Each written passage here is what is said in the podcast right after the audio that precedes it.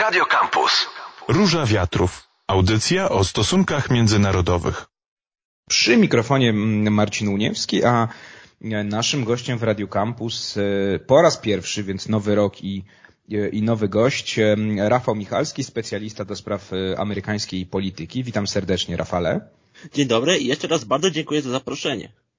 Porozmawiamy dzisiaj o politycznym losie Donalda Trumpa przed tegorocznymi wyborami prezydenckimi, bo mimo toczących się przeciwko niemu spraw, mimo mnóstwa kontrowersji związanych chociażby ze szturmem na Kapitol, to były prezydent ma duże szanse ponownie uzyskać nominację republikańską, a nawet zostać prezydentem Stanów Zjednoczonych. No jednakże pewne przeszkody się ostatnio pojawiły. Najpierw stan Colorado, a później stan Maine zabroniły Trumpowi startów w prawyborach prezydenckich, a de facto no, blokując mu, jeśli to się utrzyma, możliwość startu w wyborach. Sprawy są różne, więc najpierw zajmijmy się Colorado. Rafale, tutaj decyzja sądu, powiedzmy, z czego ona wynika i cóż to za decyzja?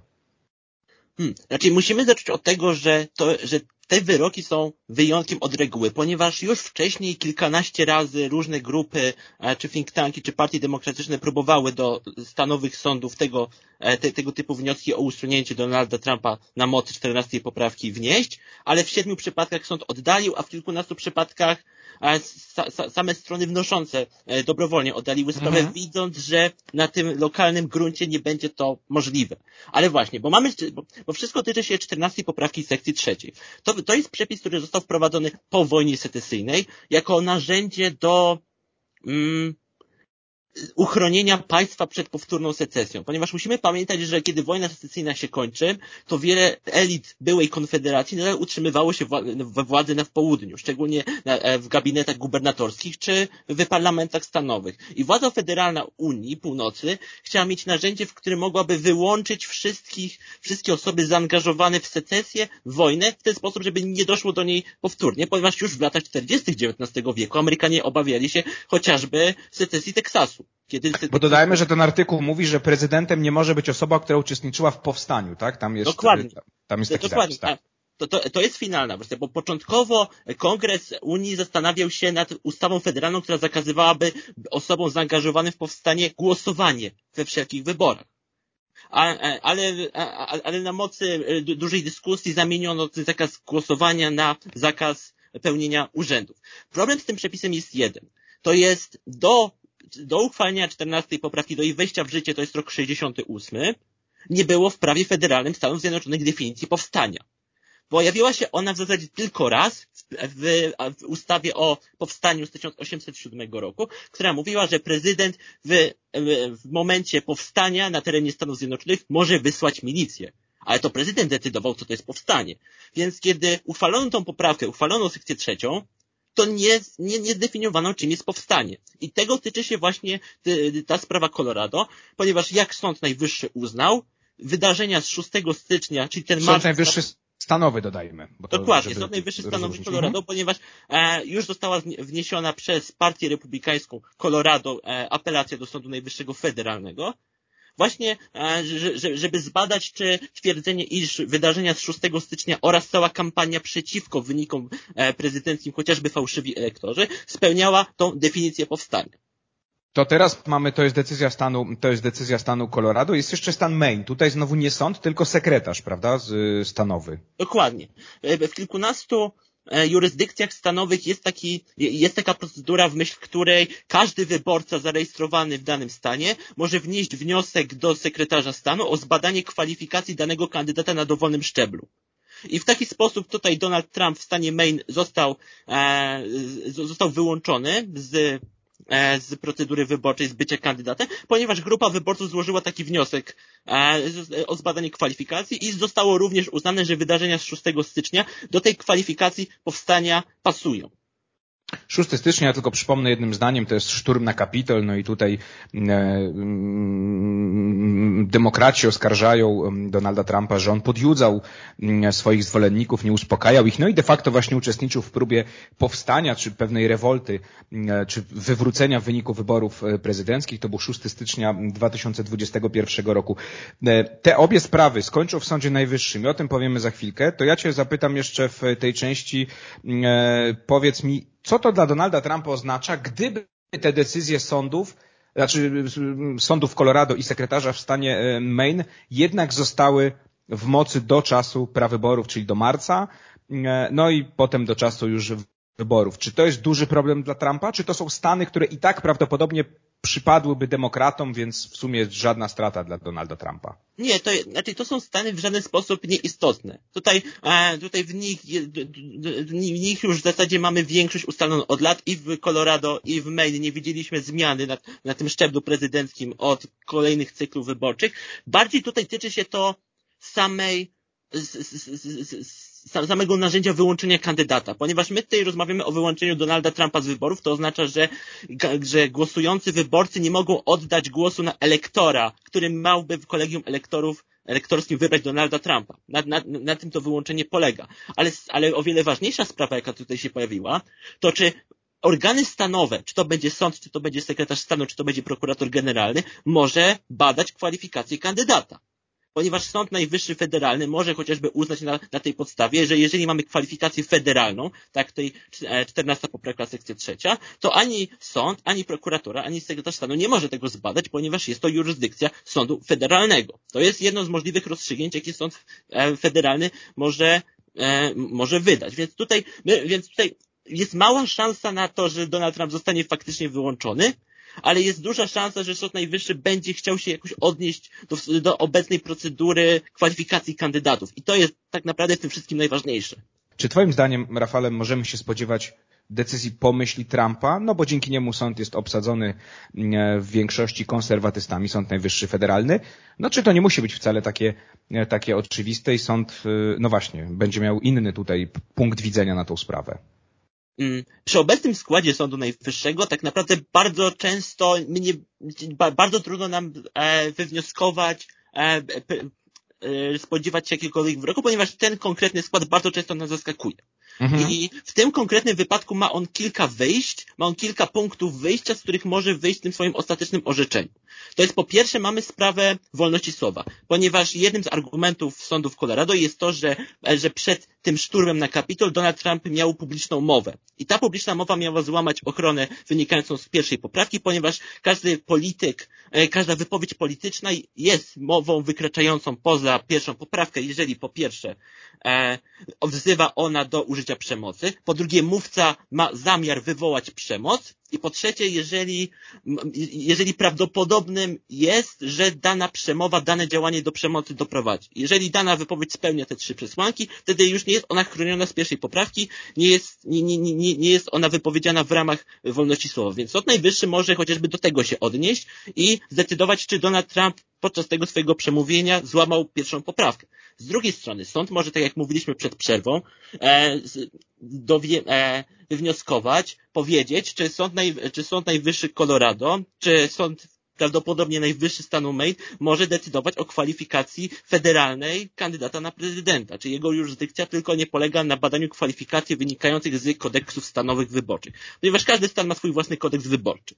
Z trzeciej strony, Sąd Najwyższy może spróbować zdefiniować, i to byłoby najciekawsze, ale też najmniej prawdopodobne, czym powstanie jest.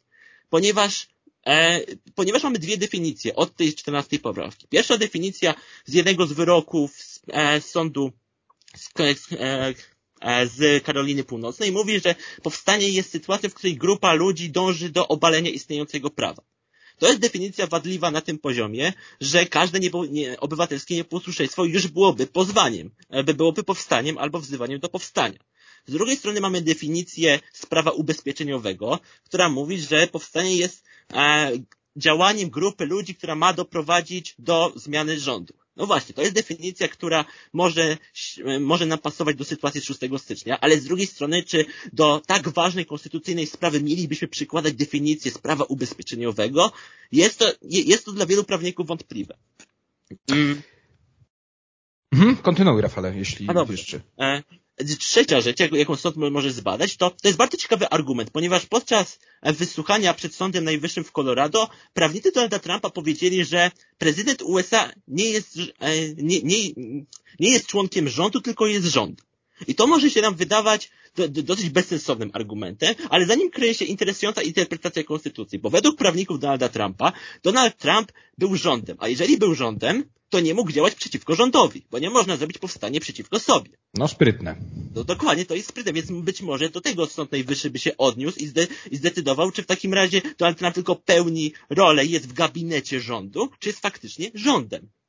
A z czwartej strony mamy szalenie interesującą sprawę z 1918 roku, ponieważ Donald Trump jest pierwszym politykiem od 100 lat, który został wyłączony z na mocy 14 poprawki, ponieważ tylko kilkanaście osób zostało e, e, przez sąd wyłączonych na jej mocy, e, a ostatni raz było to 1918 rok, kiedy był e, Louis Berger. To był jeden z założycieli amerykańskiej partii socjalistycznej. On został wskazany za na, na mocy ustawy o szpiegostwie za swoje mowy antywojenne. To jest między innymi Państwo mogli usłyszeć o tym człowieku, e, kiedy e, pierwszy raz postawiono zarzuty Donaldowi Trumpowi i wspominano się o nim, że, że Berger to był ten, który po raz pierwszy kandydował na prezydenta będąc w więzieniu. To, to, to był właśnie on, to jest ten sam człowiek. On wygrał wybory w 1918 roku i już, był, już, już, już będąc skazany za, swoje mowy antywojenne i wtedy kongres większością 311 do 1 wydalił go nie pozwolił mu e, podjąć przysięgi i zasiąść w urzędu, być częścią parlamentu. Dlaczego? W uzasadnieniu napisano, że działał on na, dział, e, na korzyść wroga, ponieważ żeby było powstanie, musi być powstanie na czyjąś rzecz, czyli na rzecz jakiegoś przeciwnika rządu Stanów Zjednoczonych. E, to samo później zrobiono rok w 1920 roku w Zgromadzeniu Ogólnym Nowego Roku, gdzie również kilkunastu członków Partii Socjalistycznej wyłączono z obrad spełnienia urzędu. I Louis, Berger wrócił do polityki 4 lata później, znów wygrał wybory. E, wtedy mu pozwolono nagle złożyć, złożyć przysięgę, ponieważ sami politycy zreflektowali się, że ich działania mogły nie być podparte konstytucją. Dlaczego? I to jest ten interesujący argument. Ponieważ nie ma wroga. To znaczy Berger był, działał na rzecz żadnego wroga. Po prostu był człowiekiem antywojennym. I czy, i, i, i 100 lat później mamy Donalda Trumpa, mamy ten cały ruch e, jego zwolenników, czy ruch QAnon szeroko pojęty, czy oni są wrogiem według konstytucji? Ponieważ jedyny przepis, który nam jakkolwiek definiuje wroga w prawie międzynarodowym, sugeruje nam, że wróg musi być pewnym podmiotem, wobec którego działania podjęły już inne departamenty to, to, to, nie wiemy, czy Departament chociażby Sprawiedliwości podjął jakieś działania przeciwko wrogowi QAnon. Więc być może też tą kwestią zająłby się Sąd Najwyższy, ponieważ tutaj, tak jak sam się śmieję, Donald Trump trochę przypomina partię socjalistyczną. To znaczy, oni działają przeciwko rządowi, ale oni nie mogą być chyba wrogiem, skoro są i respektują dany rząd, tylko nie ten nowy rząd. No tak, sprawa, sprawa faktycznie może mieć mm, mnóstwo rozgałęzień. Powiedz mi jeszcze tylko na zakończenie, Rafale, jedną rzecz. Gdyby Sąd Najwyższy, Federalny Sąd Najwyższy, zdecydował po myśli Donalda Trumpa, e, to rozumiem, że to dotyczy wtedy całego kraju i inne stany już nie mogą, tak jak stan Colorado, wykluczyć Trumpa z wyborów. Czy to tak nie działa? E, to jest, to jest bardzo dobre pytanie, ponieważ nikt nie wie. To jest, to jest dyskusja, która, e, która od tych paru tygodni e, rozgorzała wśród prawników amerykańskich, ponieważ nigdy nie byliśmy w takiej sytuacji. Zawsze wydawało się e, prawnikom i historykom, że 13, że 14 poprawka sekcja, działa, sekcja trzecia działa z mocy prawa. To jest tak jak 13 poprawka, która uwolniła wszystkich Amerykan, Amerykanów spod niewolnictwa. Tak samo zakładano, że 14 poprawka z mocy samego uchwalenia wejścia w życie odbiera wszystkim byłym członkom Konfederacji prawo do pełnienia urzędów. Tymi kilkunastoma wyjątkami, w tym Berger wspomniany. I w tym wypadku, jeżeli, jeżeli Sąd Najwyższy uznałby, że jednak jest inaczej, to złamałby tą ponad stuletnią tradycję, praktykę, 150-letnią praktykę tego, w jaki sposób 14 poprawka sekcja trzecia się aplikuje. Zakładając wydaje mi się, że konsensus jest taki, że jeżeli Sąd Najwyższy, naprawdę nie spodziewałbym się tego wyroku, ale uznałby, że Donald Trump został w sposób legalny e, wykreślony, a wydarzenia z 6 stycznia mogą być kwalifikowane jako powstanie, to każdy sąd stanowy musiał, działałby na mocy tego orzeczenia, musiałby sam według swojej jurysdykcji wykreślić Trumpa, ponieważ w Konstytucji mamy e, napisane, że każdy stan e, osobno reguluje sposób wyboru elektorów. Więc możemy domniemywać, że sposób wyboru elektorów to także jest kwestia, e, na kogo dani elektorzy muszą głosować, czy mogą głosować w wyborach. Rafale, tak odchodząc od, od kwestii prawniczych, y, bardziej na takie politologiczno-socjologiczne, czy te próby wykluczenia Trumpa, to to nie jest trochę, y, mówiąc kolokwialnie, czy jemu nie jest w to graj po prostu, bo to tylko jeszcze wzmacnia jego zwolenników tych najbardziej radykalnych i mobilizuje ludzi do głosowania, no bo przecież ten system chce nam tego naszego kandydata, prawda, wykreślić, więc musimy go jeszcze bardziej, bardziej popierać. Tak, e, to dokładnie jest tak jak mówisz, szczególnie, że sami demokraci o tym mówią w mediach, że, że sytuacja wykreślenia kandydata z list mogłaby być odbierana jako ograniczanie demokracji dla przeciwników politycznych. A dla Donalda Trumpa taka narracja jest przydatna z dwóch powodów. Po pierwsze jest powód finansowy, kampanijny, to znaczy, żeby kampania działała, potrzebni są darczyńcy i potrzebni są osoby, które będą mu tę kampanię prowadziły. prowadziły. A, a rozprawy sądowe kolejne, czy chociażby sprawa o wykreślenie, jest czynnikiem mobilizującym, to widzimy miesiąc do miesiąca, jak, jak publikowane są kolejne raporty raporty finansowe y, grup finansowych wspierających Donalda Trumpa. A z drugiej strony, kiedy wczytamy się w sam program Donalda Trumpa, który się nazywa Agenda 47, to tam widzimy bardzo szeroko zakrojony program centralizacji państwa, centralizacji Departamentu Sprawiedliwości, e, on, ograniczenia uprawnień Departamentu Edukacji. Narracja mówiąca o tym, że demokraci wykorzystują narzędzia prawne przeciwko e, Amerykanowi, przeciwko demokratycznie w przeszłości wybranemu prezydentowi, mogą być dla niego podkładką pod to, żeby, jeżeli zdobyłby tą drugą kadencję, mógł przeprowadzić bardzo daleko idące zmiany w Departamencie Sprawiedliwości. To przypomnijmy na końcu już, e, Rafale, e, krótko, te inne sprawy, no bo to jest kwestia świeża, to o czym teraz rozmawiamy, natomiast za Donaldem Trumpem ciągną się, ciągną się różne, mm, różne sprawy, różne śledztwa. E, no, mówiło się, że jeśli on by został skazany w którymś z tych spraw, no to wtedy nie mógłby być prezydentem Stanów Zjednoczonych, natomiast mm, wydaje się, że no, te sprawy nie skończą się przed mm, wyborami, ale przypomnijmy pokrótce, co się jeszcze, mówiąc kolokwialnie, ciągnie za Donaldem Trumpem. Raczej a je, je, jeszcze może trochę poprawiając, mógłby zostać. I nawet jeżeli zostałby skazany we wszystkich czterech sprawach, nadal mógłby pełnić urząd prezydenta. W teorii. Mielibyśmy spory kryzys konstytucyjny, jak no tak, ma pełnić znowu... ten swój urząd, ale mógłby go pełnić z celi więziennej, albo e, wykonanie wyroku byłoby odroczone. Ale sprawy. Mamy sprawę e, cywilną nowojorską, jeżeli chodzi o finansowanie kampanii i finansowanie kobiet, które, które miały ujawniać w roku 2015-2016 niewygodne fakty Donalda Trumpa. Te płatności prawdopodobnie, wszystko na to wskazuje, złamały ustawę o finansowaniu kampanii. Mamy sprawę dotyczącą e, przetrzymywania dokumentów federalnych, E, Czyli to swoje... słynne Maralago, gdzie się Dokładnie, walał, tak, słynne Maralago, ponieważ według prawa federalnego i stanowego wszelkie, e, wszelkie dokumenty wraz z końcem pełnienia urzędu powinny zostać przekazane do archiwisty Stanów Zjednoczonych a, a, jak, a jak wyszło z, z przeszukiwań e, dokonanych przez FBI, wiele dokumentów o najwyższej klauzuli tajności były w tej prywatnej rezydencji, były pod, e, pod nadzorem albo pod brakiem nadzoru, który jest wymagany przez e, rozporządzenia wykonawcze, jak takie dokumenty powinny być przetrzymywane.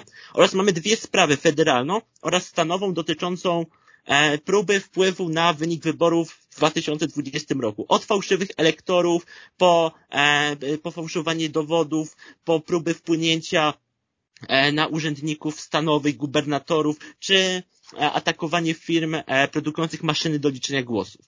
I na tym wszystkim mamy jeszcze piątą sprawę, która być może jest najważniejsza, to jest Sąd Najwyższy będzie musiał zdecydować, czy prezydent Trump ma immunitet prezydencki. Ponieważ to też jest zupełnie osobny wątek, ponieważ Konstytucja USA nie przyznaje prezydentowi immunitetu. Praktyka amerykańska ten immunitet wystosowała na zasadzie analogii wobec immunitetu kongresmenów. Więc być może Sąd Najwyższy stwierdzi, że prezydent ma immunitet i wtedy obie sprawy federalne, e, czyli ta dotycząca dokumentów oraz ta dotycząca e, wpływu na wyniki wyborów prezydenckich nie będą mogły być dalej procedowane. I tutaj stawiamy kropkę, no fascynujące jest to wszystko, wybory, mm, no prawybory w marcu, wybory te, te, te główne, nazwijmy je tak też w tym roku, pod koniec roku y, Donald Trump, jak widzimy, no, mnóstwo historii wokół niego. Zobaczymy, co zdecyduje Sąd Najwyższy i czy zajmie się tą sprawą stanu Colorado, no a potem jeszcze stan, stan Maine. Rafale, bardzo Ci dziękuję. Rafał Michalski, specjalista do spraw amerykańskiej polityki, był moim i Waszym e, gościem. Dziękuję, Rafale. Również bardzo dziękuję i mam nadzieję, że naszych słuchaczy nie zanudziłem tymi prawnymi analogiami i problemami. No jest to trochę zawiłe, ale trzeba. No, Tak to wygląda w Stanach Zjednoczonych, a Donald Trump, umówmy się, no, cały świat, myślę, śledzi to, czy jemu się uda zostać prezydentem, no bo to będzie miał ogromny wpływ chociażby na NATO, na wojnę w Ukrainie, na wiele, wiele czynników. Ja się żegnam, Marcin Uniewski, słyszymy się za tydzień w Róży Wiatrów. Radio Campus. Róża Wiatrów. Audycja o stosunkach międzynarodowych.